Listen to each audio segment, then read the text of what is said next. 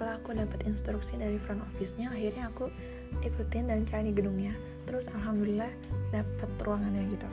Nah setelah masuk uh, akhirnya diskusinya dimulai dan di sana ternyata yang nontonin seminar itu nggak hanya aku tapi ada beberapa orang juga termasuk profesor aku sama salah satu profesor dari salah satu universitas terkenal di Jepang gitu. Kita semua itu satu topik riset yang sama. Jadinya uh, kita dikumpulin di seminar itu gitu. Itu pengalaman pertama aku sih untuk ikut seminar orang Jepang di Jepang gitu. Jadi itu menyenangkan sekali dan pengalaman yang baru banget buat aku ikut seminar di sana. Nah setelah seminar itu selesai uh, itu kira-kira kan pagi-pagi ya mulainya kira-kira jam 9an terus selesai jam 11an kalau nggak salah. Nah habis itu aku kembali lagi ke ruangan kerja aku. Aku kembali lagi ke ruangan kerja aku.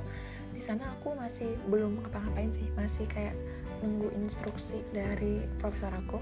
Dan ternyata uh, profesor aku ngirim email lagi ke aku. Jadi semuanya tuh di sana kon apa uh, percakapannya itu melalui email gitu. Pada saat itu sebenarnya aku belum terlalu aware untuk ngecek email ya.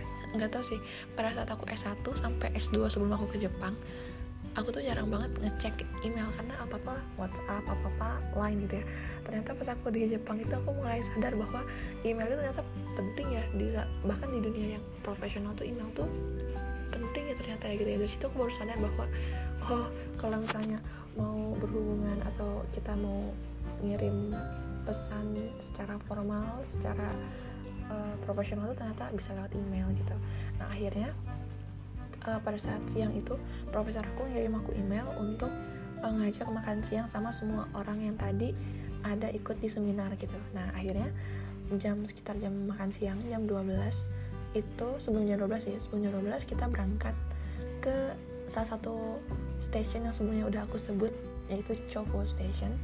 Jadi di sana ada banyak uh, restoran gitu banyak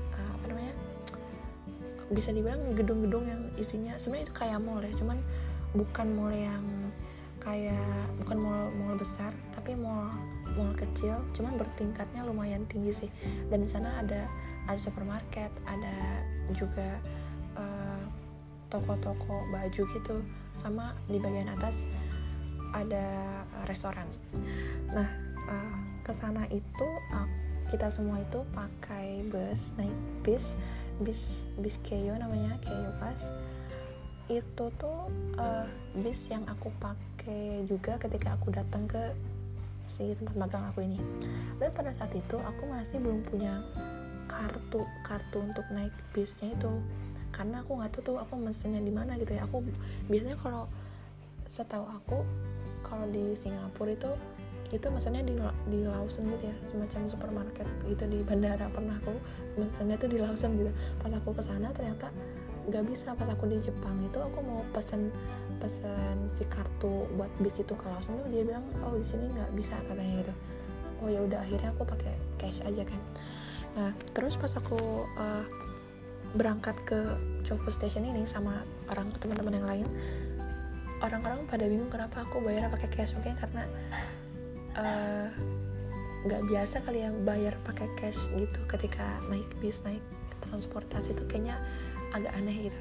Akhirnya uh, nanti mungkin aku akan cerita gimana sih caranya aku bikin si kartu untuk transportasi itu di podcast yang selanjutnya ya teman-teman ya insya Allah nah akhirnya aku pada saat itu malah dibayarin sama profesor aku. Jadi profesor aku ini tuh baik banget sih bener-bener kayak baik banget ya pokoknya baik itu baik banget.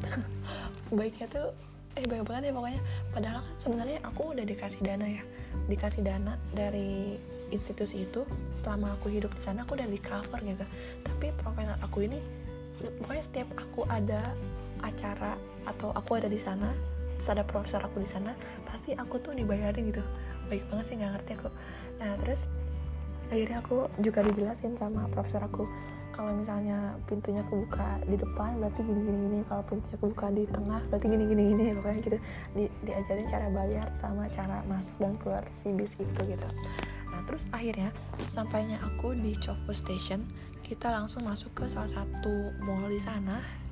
Dan uh, jadi mall di sana itu sebenarnya cukup unik ya karena dia tuh merangkap juga sama si stasiun stasiun bawah tanah uh, keretanya kereta Keio Keio Line si kereta Keio itu. Jadi ada kereta ada bus si Keio. Itu namanya nama nama apa ya?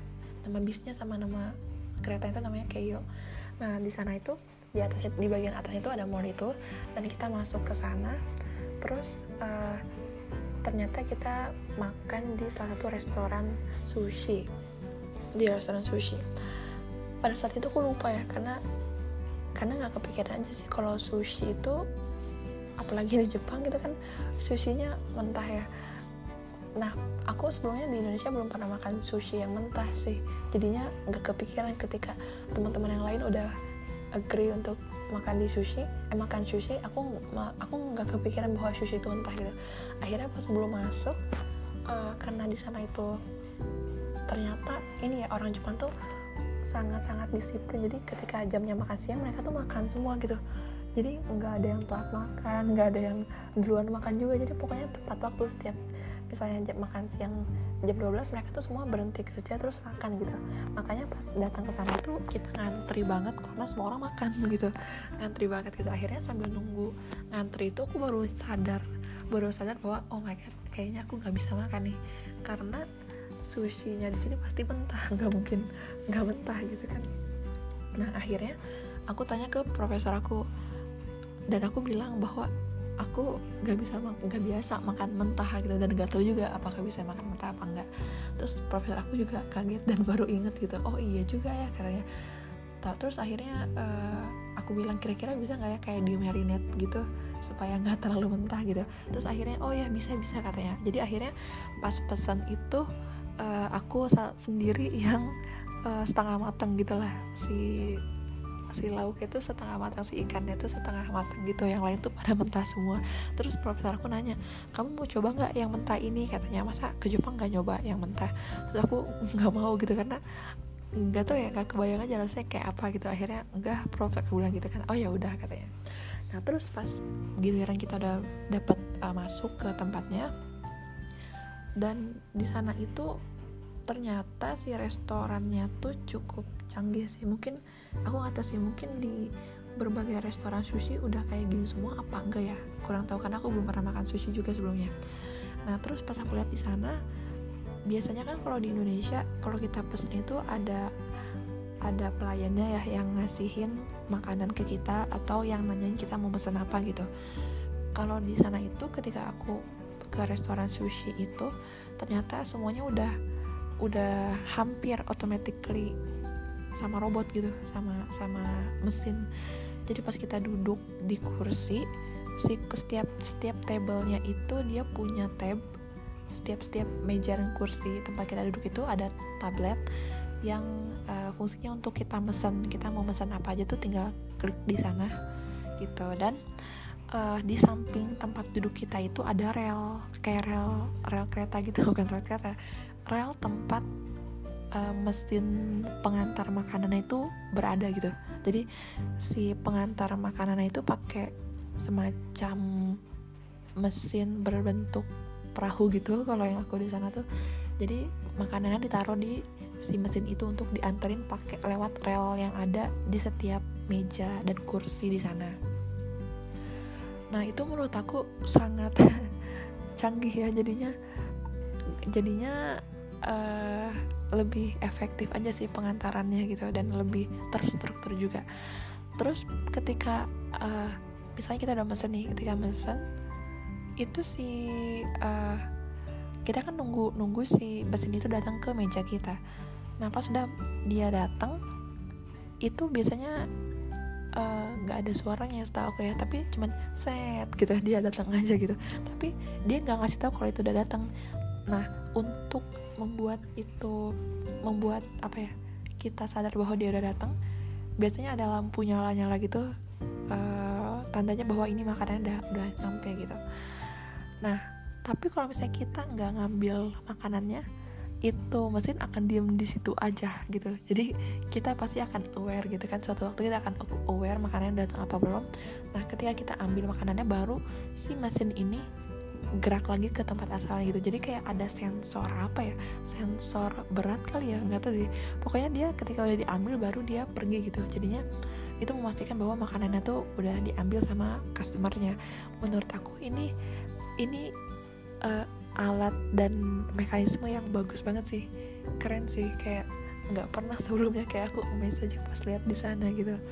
Nah akhirnya setelah aku uh, pesan makanan aku waktu itu pesan beberapa apa namanya beberapa sushi. Salah satunya itu yang belut pada saat itu. Karena aku nggak punya referensi yang makan uh, sushi apa aja. Jadinya aku ya yang standar-standar aja gitu. Sedangkan yang teman-teman yang lain dan profesor aku itu makannya tuh macam-macam aku sih nggak tahu ya karena nggak ada nggak ya nggak ada bayangan juga sih mau makan apa terus aku agak agak agak apa ya melihatnya tuh agak berbeda ketika ternyata teman-teman di sana itu makannya tuh lumayan banyak ya apa aku yang dikit ya soalnya mereka itu bisa sampai berpiring-piring gitu sih makan sushinya kalau aku kayaknya nggak terlalu banyak gitu ya. tapi kalau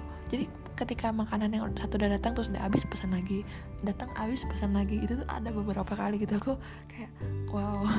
Terus pas profesor aku nanya Mutia kamu apa lagi? Aku bilang ah oh, udah gitu kan. Aku udah bilang udah cukup kenyang gitu. Terus katanya ah masa cuma gitu doang kenyang? Katanya iya soalnya aku juga bilang sebenarnya kan aku punya punya mah punya penyakit mah. Jadi aku tuh kalau yang teman-teman yang punya penyakit mah mungkin tahu ya kalau makannya itu kita nggak banyak-banyak tapi sering gitu ya. Jadi sedikit-sedikit tapi sering. Nah akhirnya aku bilang kayak gitu terus ya udah sambil nunggu teman-teman yang lain makan aku ya ngeliatin aja ngeliatin kanan kiri atau minum gitu. Dan aku lupa juga ketika uh, si sushinya itu kan biasanya ada wasabinya ya. Ada secara otomatis ada wasabi aku nggak tahu sih apakah semua sushi itu di piringnya tuh langsung ada wasabi apa enggak. Tapi yang pas aku beli itu ada wasabinya. Terus aku kan tanya ya pokoknya setiap aku makan tuh aku tanya ini tuh apa ini apa ini apa? Soalnya kan nggak tahu ya apakah di sana ada alkoholnya apakah di sana ada yang ya makan apa makanan-makanan yang halal gitu. Jadinya aku selalu make sure ke profesor aku apakah makanan ini ini tuh makanannya apa aja? gitu. Nah terus pas aku uh, tanya ini ini oh ternyata di sini di sini ada daging ini ini itu itu bla bla bla bla dan ada wasabi gitu kan. Nah kan aku belum pernah makan sushi aku cuma tahu sih wasabi itu pedes tapi nggak tahu sepedes apa kan. Akhirnya ya udah aku makan aja pas aku makan itu menurut aku itu pedes banget ya. Pedesnya tuh pedes banget sampai kayak aku aku bilang ke profesor kayak aku nggak kuat deh kalau makan sushi eh makan wasabi lagi gitu. Terus kata profesor aku kayak oh emang itu pedes ya? Katanya iya aku bilang kan itu pedes dalam hati itu pedes banget gitu. Pedes banget terus kata profesor aku oh, kamu kayaknya masih terkategori anak kecil deh kalau kalau nggak bisa makan wasabi katanya gitu.